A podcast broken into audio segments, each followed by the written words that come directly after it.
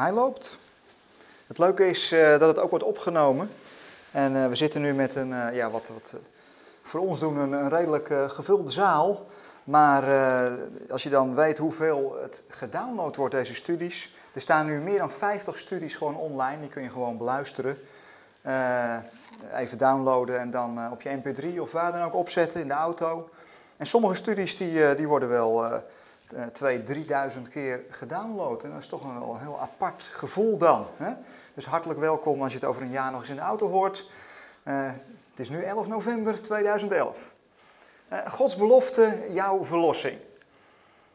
Laat ik het nog even voorlezen. opnieuw zweert God bij zichzelf, zo was de aankondiging op onze website. We bevinden ons bij de profeet Jezaja in hoofdstuk 45. Roept God het uit. Hij zweert het zelfs dat voor mij elke knie zal buigen, dat bij mij elke tong zal zweren. Wat betekent dit? Over welke mensen gaat het? Zijn er meer soortgelijke beweringen vanuit de hemel in de Bijbel te vinden? Uh, deze serie hebben we het over de beloften van God. We hebben ook wel eens een paar series gehad over allerlei moeilijke teksten. Bijvoorbeeld moeilijke teksten van Jezus, moeilijke teksten in de zin van uh, oordeel, hel, uh, Gehenna, buitenste duisternis. dat soort teksten, daar hebben we studieavonden aan gewijd. Mocht je nou denken, ja, maar wat, het staat er toch wel? Ja, dat klopt. En het staat er ook niet voor niks. Surf eens naar onze website en beluister die studies eens. Maar toen zeiden we met elkaar, ja, waarom maken we het onszelf nou altijd zo verschrikkelijk moeilijk? Waarom pikken wij nou juist al die moeilijke teksten eruit en proberen daar goed de Bijbel op na te lezen.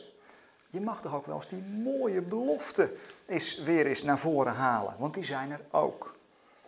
Nou, en zo kwam deze studiereeks naar voren. Dus eigenlijk heb ik het nu erg makkelijk, want het zijn juist prachtige beloftes, vergezichten vanuit de Bijbel. En dit is er zo een. De vorige keer hebben we het over Genesis 22 gehad. Uh, pittige studie, pittig hoofdstuk. Wel erg uh, mooi om daarmee te mogen worstelen voelde me bevoorrecht om daar een paar avonden studie in te steken waar ik wat van, wat mocht delen. En, en vanavond deze belofte uit Jezaja. Uh, laten we hem maar eens bijpakken. Jezaja 45. Jezaja hoofdstuk 45. Een van de grote profeten van Israël, Jezaja. En uh, we zitten daar in een reeks, in een reeks hoofdstukken waarin uh, het eerst gaat over, uh, over Israël en waarin langzamerhand het breder wordt en ook naar de volkeren toe gaat. Het zijn hoofdstukken van, uh, van oordeel, hoofdstukken waarin bijvoorbeeld vanaf, vers, vanaf hoofdstuk 46 de goden van Babel redden het niet, gaan we zo meteen nog naar kijken. Dus het gaat over de ondergang van Babel, het gaat over de goden van Babel die het niet redden, over Nebo die ten neer uh, gedrukt wordt. En dan midden in dat gedeelte uh, gaat God, gaat de Heere God iets zweren, gaat hij een eed doen. En als God een eed doet, kan hij het alleen maar bij zichzelf doen, want ja, een hoger persoon om bij te zweren is er niet. En dan zitten we in hoofdstuk 45. Maar het begint eigenlijk wat eerder, uh, vanaf Jezaja 44 wil ik een paar versen lezen, vers 21. Alles begint bij Israël. Wonderlijk, als je kijkt naar Gods handelen met de volkeren. Uh, je hebt in het Oude Testament heb je Israël en je hebt de volkeren. Dat zijn de twee groepen waar het steeds over gaat. In het Nieuwe Testament komt daar nog een hele aparte groep bij. Die worden het lichaam van Christus genoemd. Dat zijn wij. Had je in het Oude Testament nog niet. Het Oude Testament, wat natuurlijk niet oud is en ook geen testament, het is eigenlijk gewoon het eerste verbond. Uh, en dan in, in Jezaja 44 lezen we vanaf vers 21.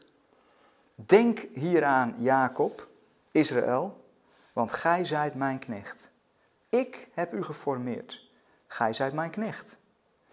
Israël, gij wordt door mij niet vergeten. Ik vaag uw overtredingen weg als een nevel en uw zonden als een wolk. Keer weder tot mij, want ik heb u verlost. Jubelt gij hemelen, want de Heere heeft het gedaan. Juicht gij diepte der aarde, breekt uit in gejubel gij bergen, gij woud met alle geboomte daarin, want de Heere heeft Jacob verlost en hij verheerlijkt zichzelf in Israël. Nou, dat gaat nog hele, hele tijd door. Daarna komt plotseling Kores, want Kores die had wat met het gericht. Maar het begint met de verlossing van Israël. Dus voordat God zijn blik naar de, naar de volkeren gaat richten, is eerst Israël verlost. Als je het hebt over, in, in het boek Romeinen vind je dat ook, hè? Romeinen 1 bijvoorbeeld, waar Paulus zegt, eerst de Jood, Romeinen 1 vers 16, 17, en dan de Griek. Eerst de Jood en dan de Griek. En wat is een Griek? Een Griek is gewoon een niet-Jood. Oftewel de Gooi, de Goyim, de volkeren. Eerst Israël en dan de volken. Maar in het Nieuwe Testament is er iets wonderlijks gebeurd, want er is bijna een soort koekoeksjong tussen gekomen, het, het lichaam van Christus. En op de een of andere manier lijkt het wel alsof die nog helemaal vooraan staat nu.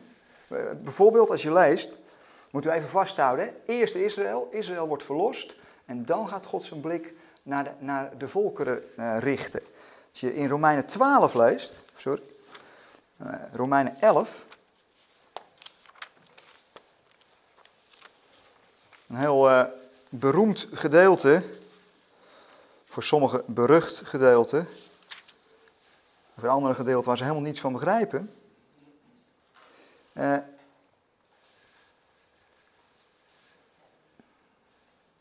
dan staat daar dat wonderlijke gedeelte in Romeinen 11, vers 25.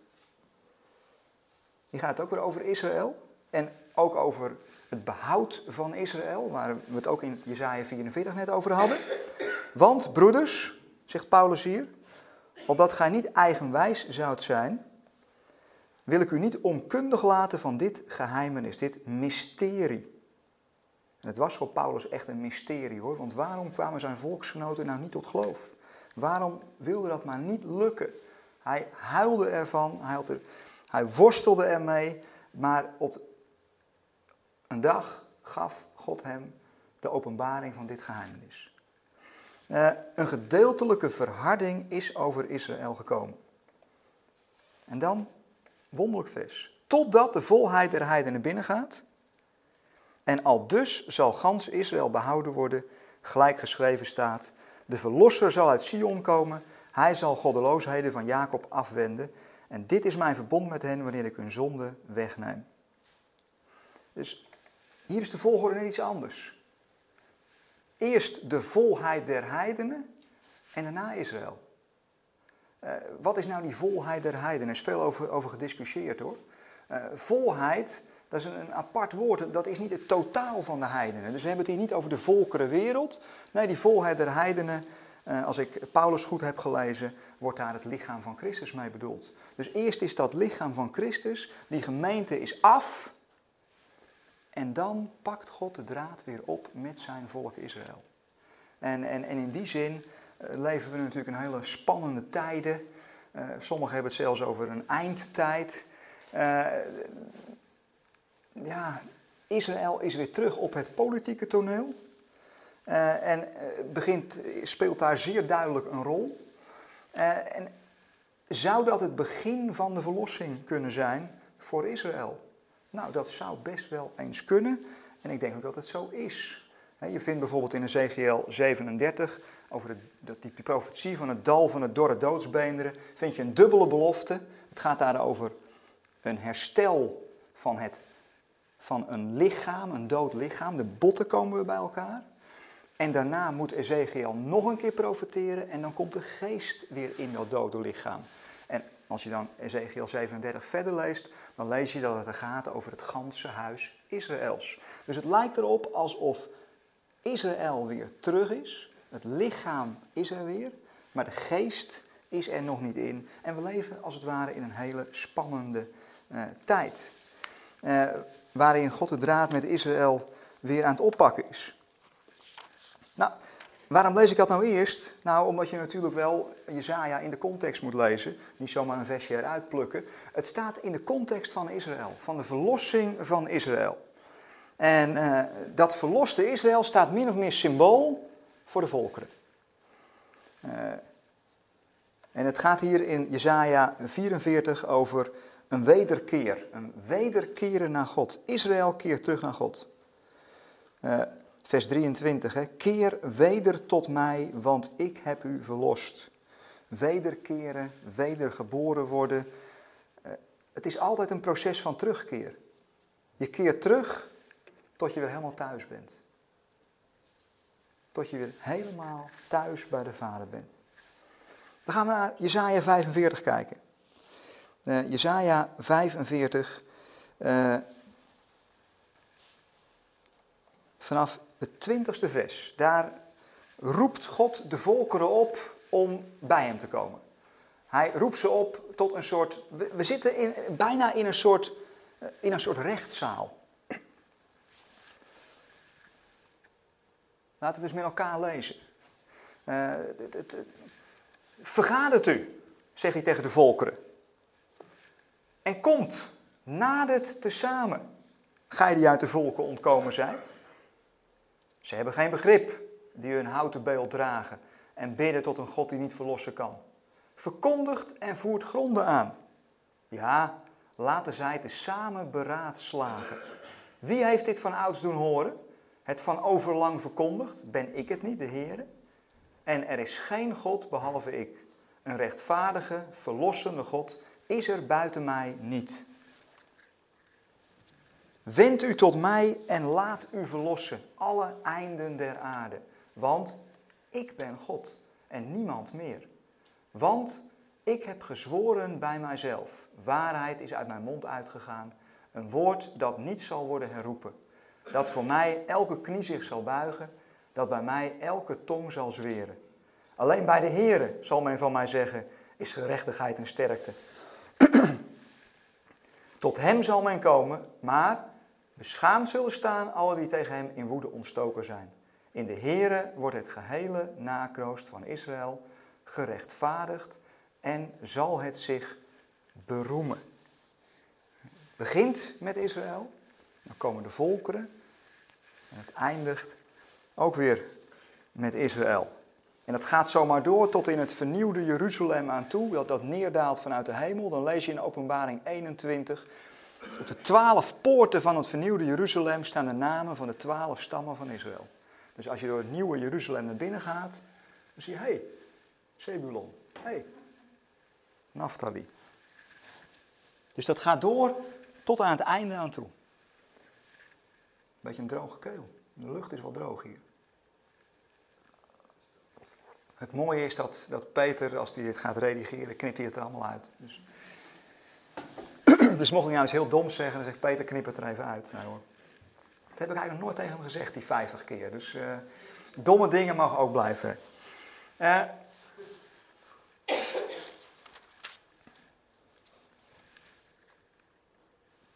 nou, er zit hier wel uh, er zit hier heel veel in. En het wonderlijke is, dus ondanks dit soort versen, dat toch uh, heel veel uh, hele uh, aardige, bijbelgetrouwe, gestudeerde christenen op grond van dit soort versen zeggen: Ja, Wim, wat jij hiervan maakt, dat kun je niet maken. Op grond hiervan kun je toch niet beweren dat iedereen echt behouden zal worden. Oké, daar hebben ze gronden voor om dat te beweren. Uh, dus daar gaan we met elkaar eens goed naar kijken of die gronden terecht zijn. En we gaan proberen dit eens goed met elkaar te lezen. Context, profeet Isaiah, verlossing van Israël, God keert naar de volkeren. En het is het beeld van een rechtszaak. Uh, de heidense naties en God. En wat gaat de Heer God doen? Hij wil eerst luisteren naar de verhalen van de volkeren. Hij zegt... Uh, vers 45. Vergadert u en komt. Er staat nader tezamen.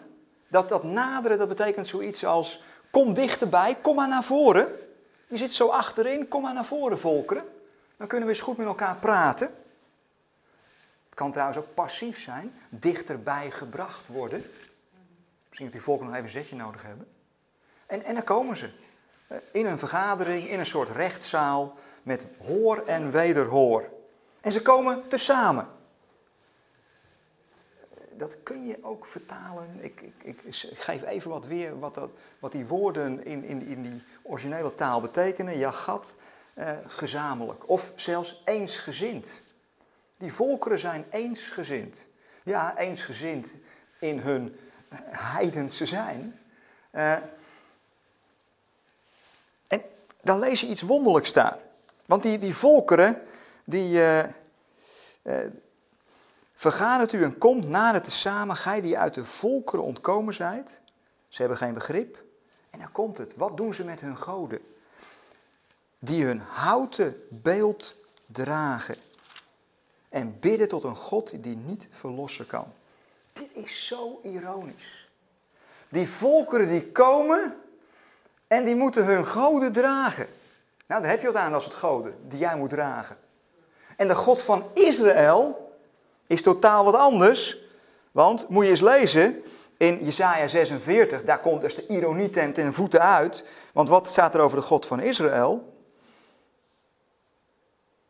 Tot de ouderdom ben ik dezelfde en tot de grijsheid toe zal ik u torsen. Ik heb het gedaan en ik zal dragen. Ik zal torsen en redden. Dus er komen die heidense volkeren en wat moeten die doen?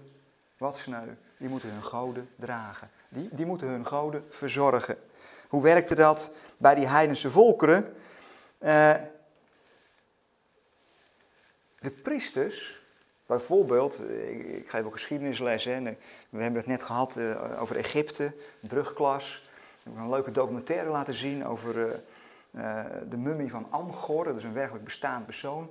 Angor, en Angor ligt momenteel in Leiden, in het uh, Museum van Oudheden, mocht je hem nog eens willen bezoeken. En die Angor die was priester van de god Montu. En die god Montu was een soort oorlogsgod in Egypte. En wat was zijn taak als priester? Hij moest elke dag moest hij het beeld van de god samen met een paar andere priesters naar buiten dragen. De god dragen. Hij moest hem aankleden, mooie kleren aantrekken. Daarna voedsel voor hem neerzetten.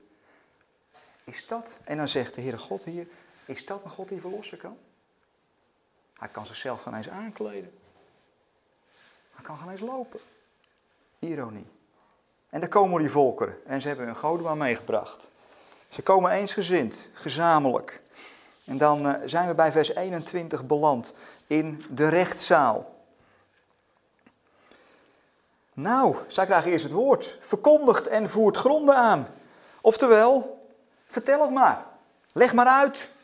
Informeer mij maar. Maar er zit een dubbele bodem in dat woord verkondigen. Het betekent ook erken het. Of geef nou maar toe. Geef nou maar toe. Dan kom je aan met je, met je God op je rug. Geef het nou maar toe. Die kan niet verlossen. Maar vertel het me maar. Leg het me maar uit, zegt de Heere God.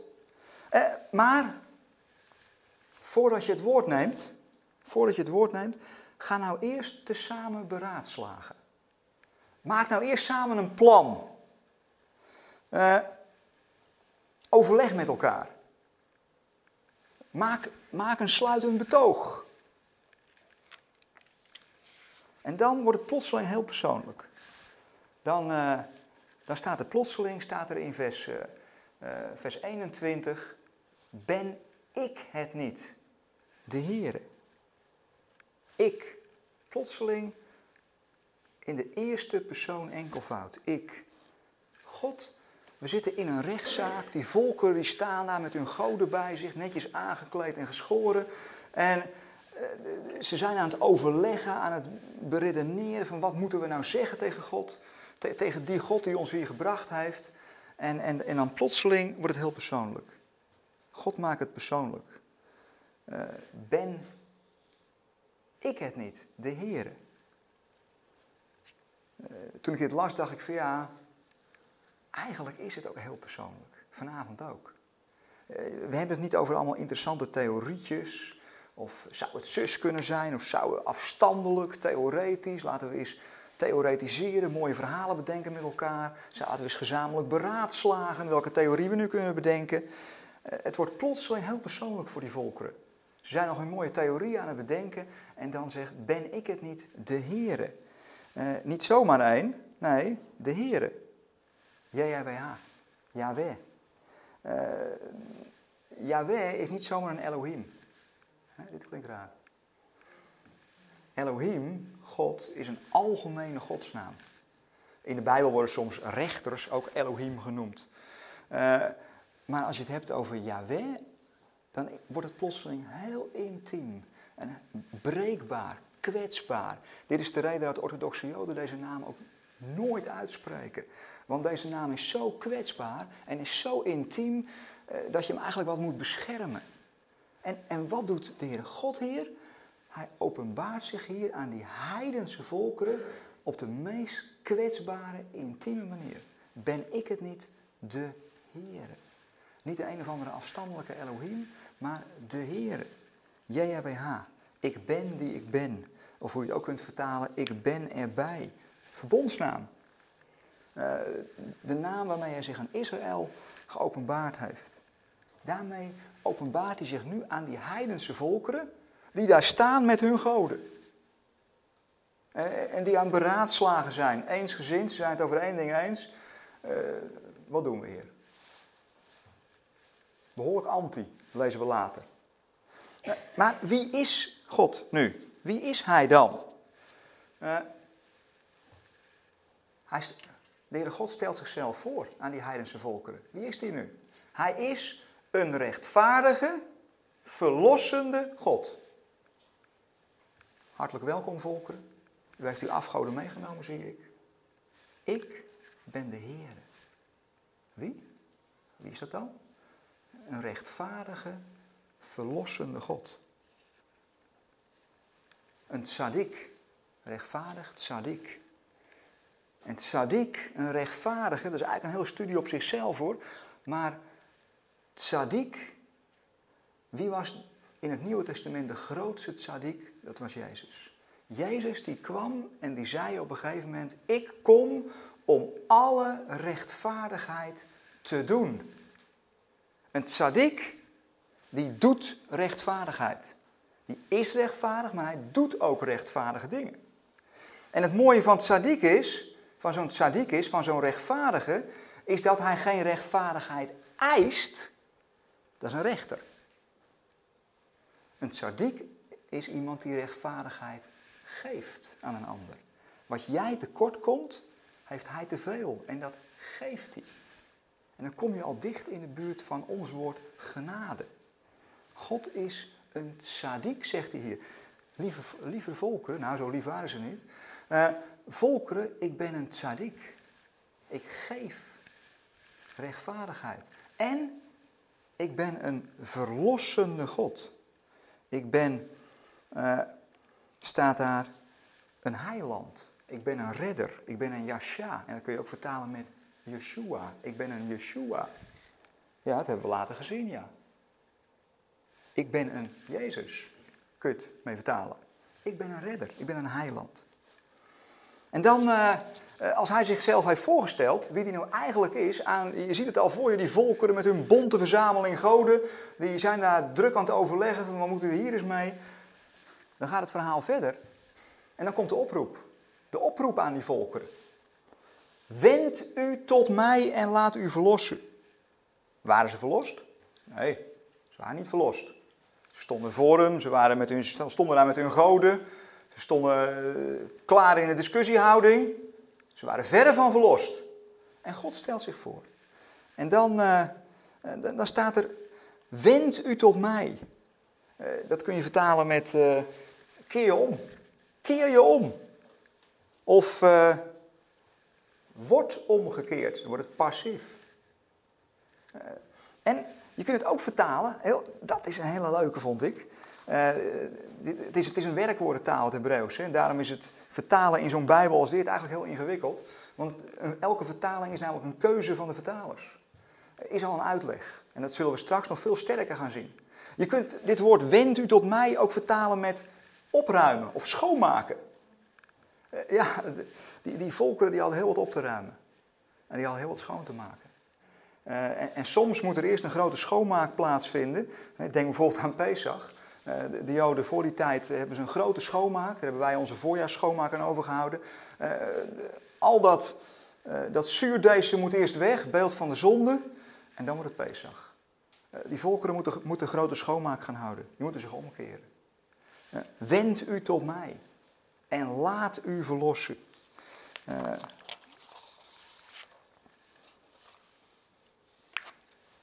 dan staat er in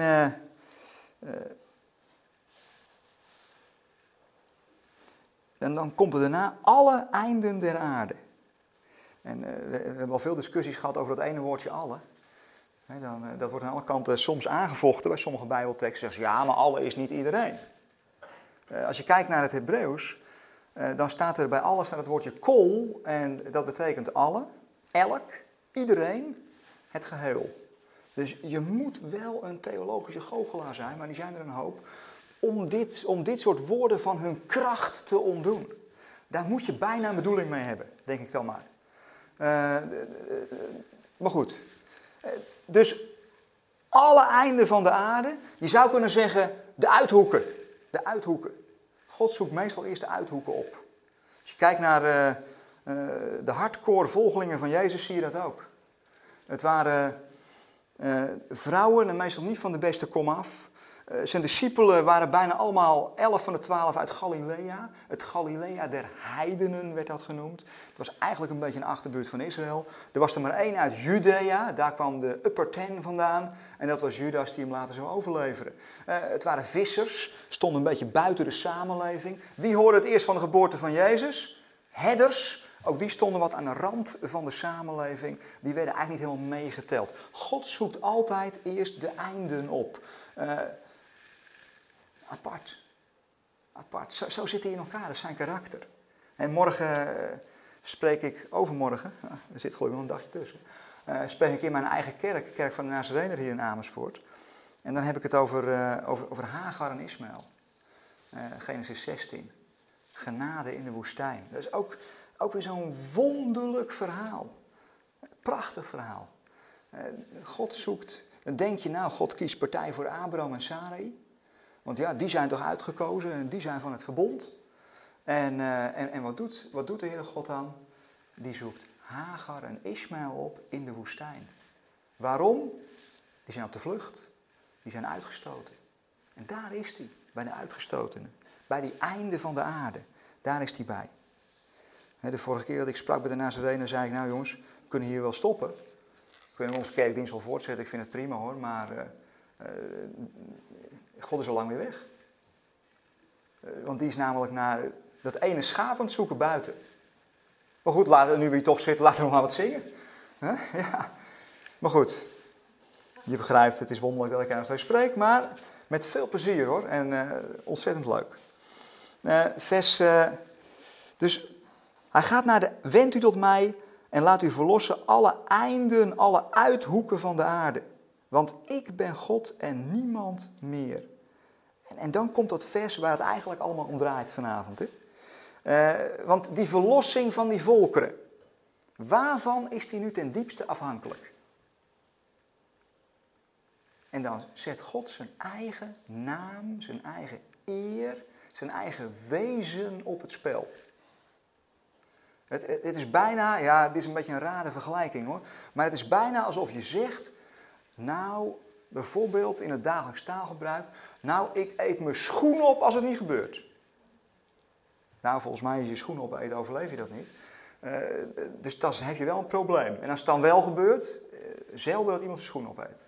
Gebeurt zelden. Maar je weet het zo zeker, en God weet het zo zeker, dat hij durft te zweren bij zichzelf. Uh, laten we dat vers nog even lezen, want het is een zeer indrukwekkend vers. Want, dus wend u tot mij, laat u verlossen alle uithoeken van de aarde. Want ik ben God en niemand meer.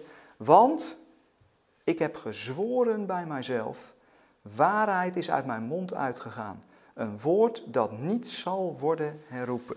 Moeten we eens even naar gaan kijken wat, daar nou precies staat. Uh, ik heb gezworen. Uh, betekent letterlijk, ik heb, ik heb een eed afgelegd. Ik heb een eed afgelegd. Dit, dit woordje zweren, Shabbat, hangt trouwens samen met het woord Sheba en dat betekent zeven. Dat is apart, hè? Dat is gewoon even, even grappig hoor. En zeven is ook weer het getal van God. Het getal van de volmaaktheid. Dus eh, het is niet zomaar iets even wat hier gebeurt. Uh, van sorry, ik heb me vergist, die volkeren wil zich laten verlossen. Ja, kan ik er ook niks meer aan doen. Dan moeten ze het zelf maar weten. Nee, God heeft het bij zichzelf gezworen. Hij heeft een eed afgelegd. En uh, het is een woord wat niet zal worden herroepen. En woord dabaar. En, en het, mooie, ja, het, het mooie is, het is een uitspraak van God, als duidelijk. Maar dat woord dabaar, dat is woord en daad in één. Dus dabaar kun je ook vertalen met daad. Dus Gods woorden zijn tegelijk zijn werken. Dus God spreekt het niet alleen maar uit, hij werkt het ook uit. Hij neemt de verantwoordelijkheid op zich. Uh, hij gaat het dragen. Uh, het is een woord en het is een daad. er is maar één voetbalclub in Nederland die dat in zijn lied heeft staan. Nou, nee, niet helemaal. Het klopt niet helemaal. Geen woorden, maar daden. Nee, dat moeten ze herzien. Woorden en daden. Nou, die woorden, dat zit geloof ik wel goed, maar die daden, dat lukt nog niet zo erg bij die ene club. Laat ik nou fan zijn van die ene club. Dus regelmatig komen leerlingen weer bij me. Meneer, dat wilde we niet zo lukken. Ja, ja, ja, ja. En, uh, ik heb vorig jaar het hele seizoen gezegd, ze komen eraan. Maar ja, dat ga ik maar weer herhalen, denk ik. Hè? Gewoon naar volgend jaar toe. Ze komen eraan. Ja, maar ze blijven altijd komen. Eh, God zweert een eed op zichzelf. Hij spreekt het woord uit, uitspraak, daad. En, en eh, dan staat er, het is, de waarheid is uit mijn mond uitgegaan. Dat, dat woord uit, uit mijn mond uitgaan, eh, dat, dat kun je letterlijk of figuurlijk lezen. Eh, ik, ik dacht toen ik dit aan het lezen was en dat aan het studeren was, dacht ik, hé, hey, welke waarheid is nou figuurlijk uit Gods mond uitgegaan? Welke waarheid werd een persoon? En zij laten van zichzelf, ik ben de waarheid. Yeshua. Uh, op de een of andere wonderlijke manier spreekt God het hier al uit. De waarheid is uit mijn mond gegaan. En uh, is, is vlees geworden, zal Johannes later zeggen. En heeft onder ons gewoond. Heeft onder ons getabernakeld. Uh, en die waarheid, die waarheid zal niet worden herroepen. Herroepen zal niet omgekeerd worden, zal niet worden geweigerd, zal niet worden verworpen. Dit zijn hele, hele sterke woorden. Uh, als je iets ongelooflijk krachtig wil neerzetten, dat je er echt niet meer op terug kunt komen, dan moet je het zo neerzetten. Je, je verbindt je eigen ziel en zaligheid eraan. Je zou bijna kunnen zeggen, en, en dit klinkt ja, misschien wel een beetje te kort door de bocht hoor, maar als het niet zou lukken, is God dan nog wel God. Want hij heeft zijn eigen naam, zijn eigen wezen hieraan verbonden. Uh, maar wat heeft hij dan gezworen? Want dat is dan, dat is dan belangrijk. Uh, wat is de inhoud van dat zweren van God?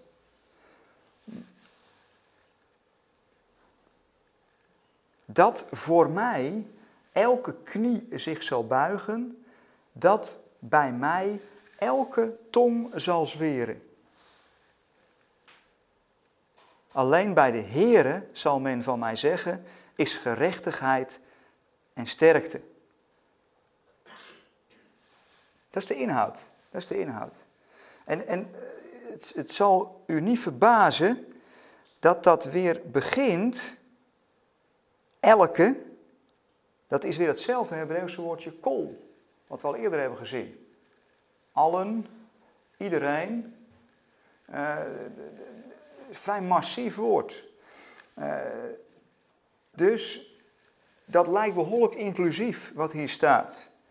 Uh, wat gaan die personen, wij allemaal dus, elke aardling, zoals ik dat hier lees, dan doen? Ze gaan een paar dingen doen. Ze gaan uh, hun knieën buigen.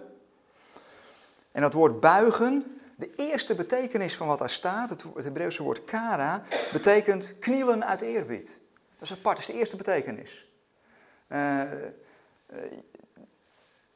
je kunt ook vertalen met neerbuigen of doen buigen. Eerste betekenis, knielen het eerbied. Maar het zou ook doen buigen kunnen Kun je het ook mee vertalen. Eh, dan verder staat er dus eerst buigen, knielen, dat bij mij elke tong zal zweren. Weer het woordje elke, weer het Hebreeuwse woordje kol. En dat woord zweren, dat is wel leuk. Dat is hetzelfde wat God, hetzelfde woordje shaba, een eed afleggen. Het begint met God die bij zichzelf een eed aflegt. En het eindigt bij de complete mensheid die diezelfde eed naar God aflegt. Het begint bij God en het komt uiteindelijk ook weer naar Hem terug. Maar dan van de aardbewoners. Mooi is dat. Het, het, begint bij Hem. Het, het, lijkt bijna alsof je Colossense leest. Hè? Uit Hem, door Hem en tot Hem zijn alle dingen. Dit is eigenlijk in andere woorden, komt dat beeld hier ook weer terug in, in wonderlijke zaak. Eerst God alleen en nu iedereen. Het rijmt nog ook. We zijn ook bij Sinterklaas aangekomen. Die goed heilig man. Uh, ja, wij hebben nog twee ernstig gelovige uh, kinderen thuis. Dus uh, ik word er elke dag mee geconfronteerd met Sinterklaas. het begint bij God alleen en het eindigt met iedereen. en, en, en wat gaan ze dan zeggen? Wat gaan ze dan zeggen? Alleen bij de Here zal men van mij zeggen, is gerechtigheid en sterkte. Wat gaan ze zeggen? Ze gaan zeggen, en hier komt het weer, hè, alleen bij Yahweh. Die kwetsbare godsnaam, alleen bij Hem, persoonlijk. Uh, ik ben erbij. Alleen bij Hem is tzadik, is gerechtigheid. En, weet je het nog, gevende gerechtigheid. Want die volkeren hebben dat inmiddels ontvangen. Die hebben dat geproefd. dat woordje uh, zweren wat daar staat, dat, dat kun je zelfs vertalen met uh, uh, de, loven, met beloven, met zeggen in je hart. zit er allemaal in. dus alleen van de Here zal men zeggen, en dat woordje zeggen is het woordje amar. dat is, kun je vertalen met antwoorden. Dat is mooi hè? Mensen gaan hier antwoord geven. Uh, Adam gaf geen antwoord. Adam, waar ben je? Adam, waar ben je? Had zich verborgen. Abraham, hebben we de vorige keer gezien, was de eerste mens na Adam die antwoord gaf. En die zei in Genesis 22, hier ben ik. Hier ben ik. Nou, daar hing gelijk een enorm prijskaartje aan, aan het antwoord van Abraham. Want hij moest toen met zijn zoon op weg. En, en wat staat hier? Uh, allen. Men zal van mij zeggen, en dat zeggen kun je vertalen met antwoord geven. De mensen gaan antwoord geven. Ze gaan het zeggen. Ze gaan het beloven. Ze gaan het, staat je kunt ook vertalen met bedoelen. Het hele, hele woord heeft een hele betekenisveld om zich heen. Uh, en wat zeggen ze? Wat beloven ze? Wat zeggen ze in hun hart? Uh, alleen bij de Here is gerechtigheid en sterkte. En dat uh, bij de Here is gerechtigheid. Bij hem is te veel omdat wij te weinig hadden. En bij hem is sterkte. En dat sterkte, dat, dat, dat, dat kun je zien in sociale zin. Hij bindt ons samen. Hij maakt ons één. Hij bindt ons samen. Uh, je kunt het zien in politieke zin. Uh, uiteindelijk zal het koninkrijk van God ook politieke vorm krijgen op aarde, op een vernieuwde aarde, uh, met recht en gerechtigheid. Je kunt het zien in materiële zin. God behoeftigt, zorgt voor de behoeften van de armen en delegeert dat aan ons, want wij zijn zijn handen en voeten. en je kunt het ook zien in psychische zin. God is onze sterkte. Hij is onze kracht, ook in, in psychische zin. Hij houdt ons uh, overeind. Dat zit allemaal in dat woord sterkte. Ja, zijn we uitgepraat. Maar hoe komen nou sommige theologen erop, in de Calvinistische, maar ook in de Lutherse traditie, om toch een onderscheid te maken? Nou, uh, lees maar eens verder. Uh, er is namelijk een tegenstelling gecreëerd in dit vers. We lezen even verder. Alleen bij de Heere zal, zal men van mij zeggen, is gerechtigheid en sterkte, tot hem zal men komen. Maar beschaamd zullen staan alle die tegen hem in woede ontstoken zijn. Hier wordt de tegenstelling gecreëerd. Merk je dat? En de suggestie wordt hier gewekt in de tekst dat er een groep is die zal buigen, knielen, beleiden.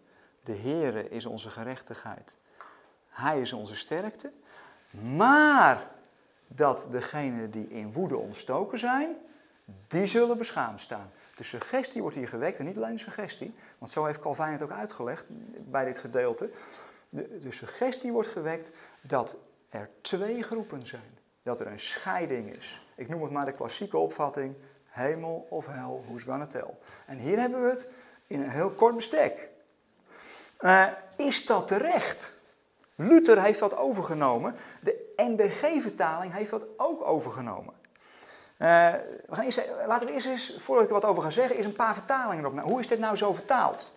Uh, Jan Geert las het uit een nieuwe Bijbelvertaling. Hè? Uh, nou, die hebben zich inmiddels bekeerd, want daar vond je die tegenstelling namelijk niet meer.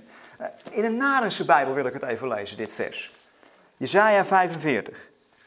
Dan moet ik zeggen, de Narense Bijbel, persoonlijk een, een, favoriet van mij hoor, die Narense Bijbel. Prachtige Bijbelvertaling. En toen ik, uh, ik had dit vers er eigenlijk nooit in gelezen, maar toen ik het zat voor te bereiden, dacht ik, hé, hey, dat is toch mooi dat ze het zo vertaald hebben. 545. Even kijken, Jezaja 45.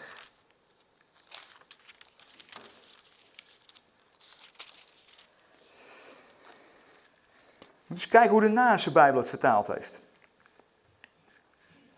Ik heb bij mijzelf gezworen, uit mijn mond is in rechtvaardigheid uitgegaan een woord dat niet zal terugkeren, dat voor mij zich zal buigen, alle knie zal zweren, alle tong. Alleen bij de ene zal men over mij zeggen, is gerechtigheid en sterkte. Tot hem zullen komen, beschaamd, alle die laaiend waren tegen hem. Geen tegenstelling. Geen tegenstelling. Dat is apart, hè? Allen komen, beschaamd, in woede ontstoken, ze komen allemaal. Hey, dat is apart gaan wij even een paar Bijbelvertalingen op. Ik heb er gewoon eens wat, wat meer bekeken. De herziene statenvertaling. Nou, helaas. Voorzeker in de Heere zal men van mij zeggen, zijn rechtvaardige daden en kracht, tot hem zal men komen, maar ze zullen beschaamd worden, alle die tegen hem in woede ontstoken zijn. Lijkt weer een tegenstelling. Suggereert weer diezelfde tegenstelling. Eh, de Leidse vertaling, nog maar eens een andere. Bij mijzelf heb ik gezworen, uit mijn mond is iets betrouwbaars uitgegaan, een woord dat niet herroepen wordt. Voor mij zal elke knie zich buigen, bij mij iedere tong zweren. Alleen in de Heer zal men zeggen, is zegen en sterkte. Tot hem komen, vol schaamte, alle die tegen hem torenden. Geen tegenstelling. Staat weer op één lijn met de Nanense Bijbel. Dat is apart, hè? Als je, als je Bijbelstudie gaat doen, vergelijk eens wat vertalingen. Je komt soms aparte dingen tegen. De Willibrord Bijbel. Uh, katholieke Bijbelvertaling. Hele mooie Bijbelvertaling trouwens. Uh, de Heer alleen, zo zal men zeggen, beschikt over rechtvaardigheid en kracht.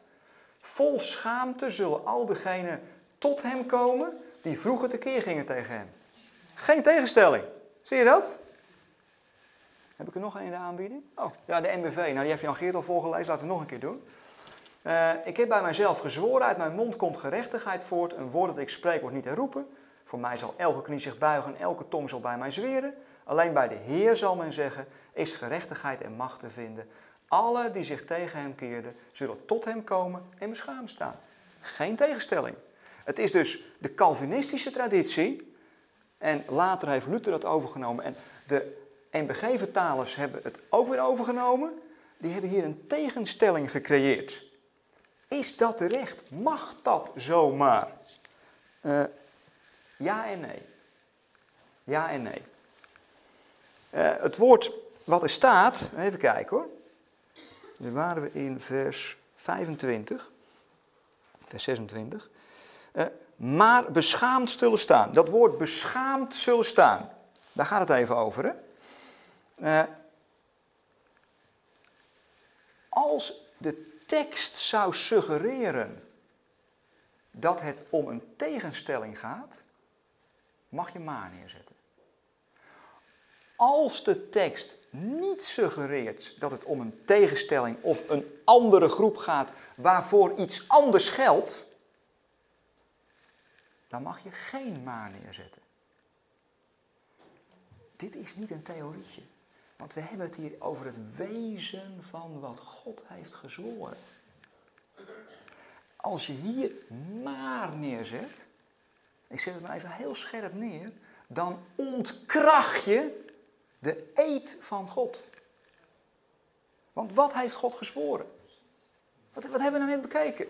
Dat voor mij kool alle knie zich zal buigen. Dat kool alle tong zal beleiden, zal zweren.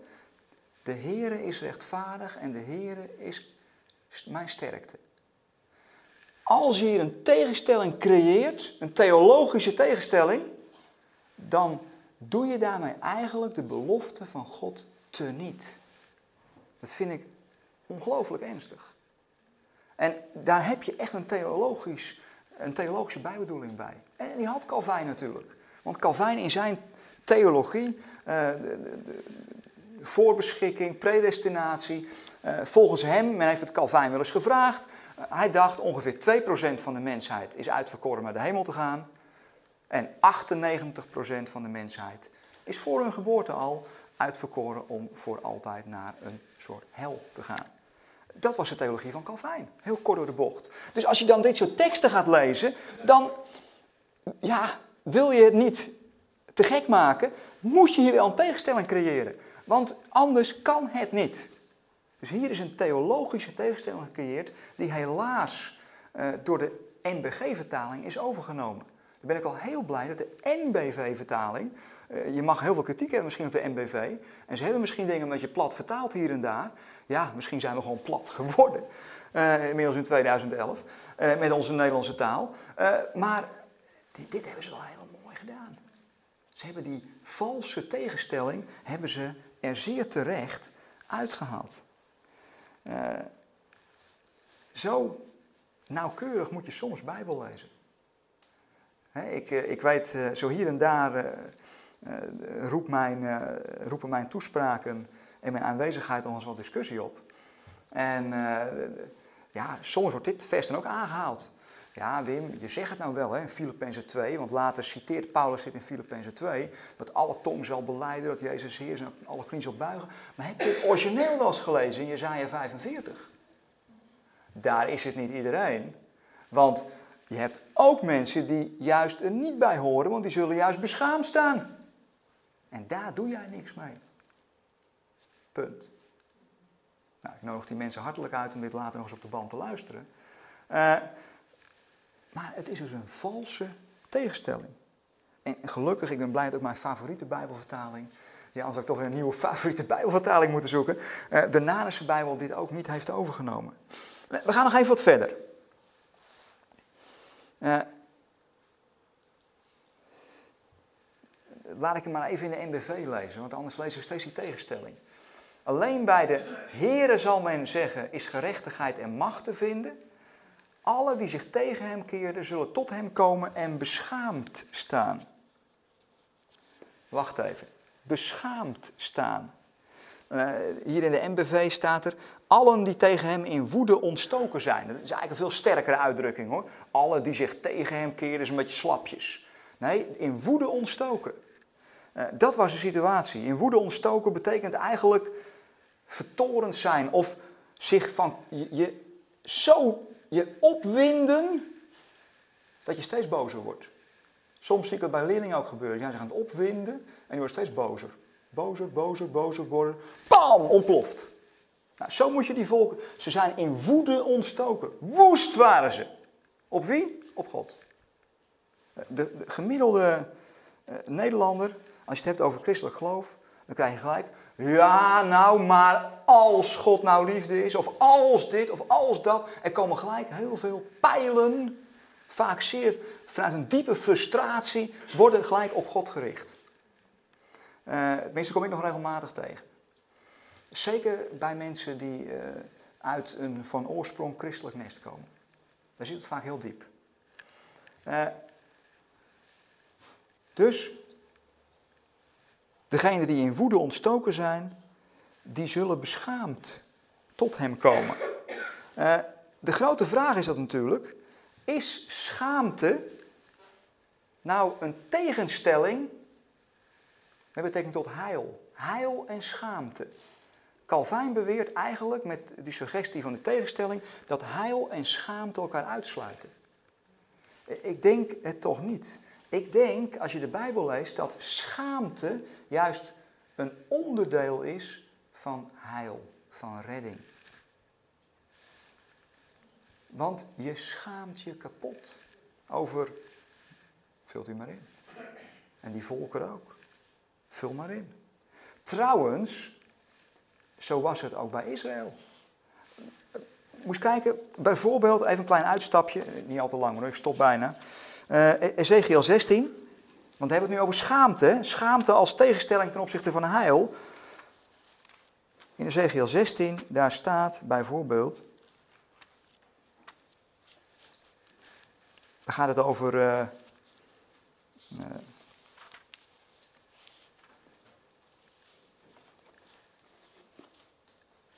gaat over Jeruzalem, een zeer onthutsende profetie. Uh, waarin Jeruzalem zelfs uiteindelijk wordt vergeleken met Sodom. Uh, in deze profetie die de God uitspreekt, komt het uiteindelijk goed met Jeruzalem. Jeruzalem die, uh, die, die, die, gaat zich bekeren. maar het wonderlijke is, Sodom ook. Een hele wonderlijke profetie, je moet hem thuis maar rustig nalezen. Het is niet voor niks dat er hier nooit over gepreekt wordt, want dit klopt theologisch helemaal niet. Uh, tenminste, volgens degene die hierover zouden willen preken. En dan staat er in vers 59. Hier gaat het over het herstelde Jeruzalem. Jeruzalem is hersteld, is weer, het ontrouwe Jeruzalem is weer in genade aangenomen door de Heere God. Jeruzalem is teruggekeerd, is thuisgekomen bij de Heere God. En dan staat er over Jeruzalem het volgende. In vers 59 van Ezekiel 16. Want zo zegt de Heere, Heere, ik zal u doen zoals gij gedaan hebt, die de eed gering hebt geacht door het verbond te verbreken. Jeruzalem, je hebt het verbond verbroken. Maar ik zal mijn verbond met u uit de dagen van uw jeugd gedenken en een eeuwig verbond met u oprichten. En dan komt het, daar komt het. Dan zult gij terugdenken aan uw gedrag en u schamen en beschaamd worden. Beschaming staat hier in de context van heil. Wel gericht, wel tot op het bot eh, jezelf kapot schamen, maar het staat in de context van heil en er is geen tegenstelling. Er is niet de tegenstelling, Jeruzalem wordt niet gered, want het wordt beschaamd. Nee, juist omdat het wordt gered, is het beschaamd. Juist als het tot het licht komt, zie je hoe duister het eigenlijk was. Anders niet. Anders niet. Dus beschaming is een onderdeel van het heil en is niet een tegenstelling tot het heil. Uh, lees even nog wat verder. Uh, dan zult gij terugdenken aan uw gedrag en uw schamen wanneer gij zowel uw grote als uw kleine zussen zult ontvangen en ik u tot dochters geven zal, hoewel niet op grond van het met u gesloten verbond. Ik zal mijn verbond met u oprichten en gij zult weten dat ik de Heere ben, opdat gij de herinnering bewaart en u schaamt en gij wegens uw schande uw mond niet meer open doet. Wanneer ik voor u verzoening doe voor alles wat gij gedaan hebt, luidt het woord van de Heere Heere de context van Jezaja 45 wil begrijpen, de beschaming van de volkeren, kom je niet om Ezekiel 16 heen, want daar vind je de inhoud van die beschaming, want het begint altijd bij Israël. De verlossing begint bij Israël en ook de beschaming begint bij Israël. En nou, nu gaan we weer even terug naar Jezaja 45. En waarom besteed ik hier nou zoveel aandacht aan? Nou, er zijn soms van die kleine vosjes die de wijngaard kunnen bederven. En dit is zo'n klein vosje. Dan heb je een prachtige belofte. En dan zeg je, ja, maar er zijn wel twee groepen. Er zijn geen twee groepen. Er is geen tegenstelling. Het is een theologische tegenstelling die niet deugt. Uh, en dan gaat het uiteindelijk. Uh, het begint met Israël, het gaat naar de volkeren en het komt weer naar Israël terug. En dan staat er in vers 26. In de Here wordt het gehele nakroost van Israël gerechtvaardigd en zal het zich beroemen. Natuurlijk geheel, er staat het Hebreeuwse woordje kol, alle, iedereen. En dat woord beroemen, eh, dat is het woord halal. En halal betekent lofzang, betekent prijzen, betekent loven, betekent aanbevelen. Als ik iemand aanbeveel, dan doe ik een halal. En het gehele nakroost van Israël zal zich beroemen, loven, prijzen, uh, zal de Heer aanbevelen in de Heer. Uh, trouwens, het is ook een proces. Hè? Er staat hier, in de Heer wordt het gehele nakroost van Israël gerechtvaardigd. Het is een wordingsproces, het is een thuiskomen bij God. Ja, dan kun je natuurlijk niet omheen als je het over de volkeren hebt die thuiskomen en die gaan zeggen, de Heer is rechtvaardig. Dan, dan vind je dat heel mooi ontzettend kort samengevat in Romeinen 5, het 18e vers. wat soms ook zo ongelooflijk misverstaan wordt. Uh, Romeinen 5, vers 18, waar het ook gaat over dat rechtvaardig worden. Een proces, maar dan wordt het toegepast op Jezus en op de nakomelingen van Adam en Eva. Waar het natuurlijk in Jezaja 45 ten diepste ook om gaat.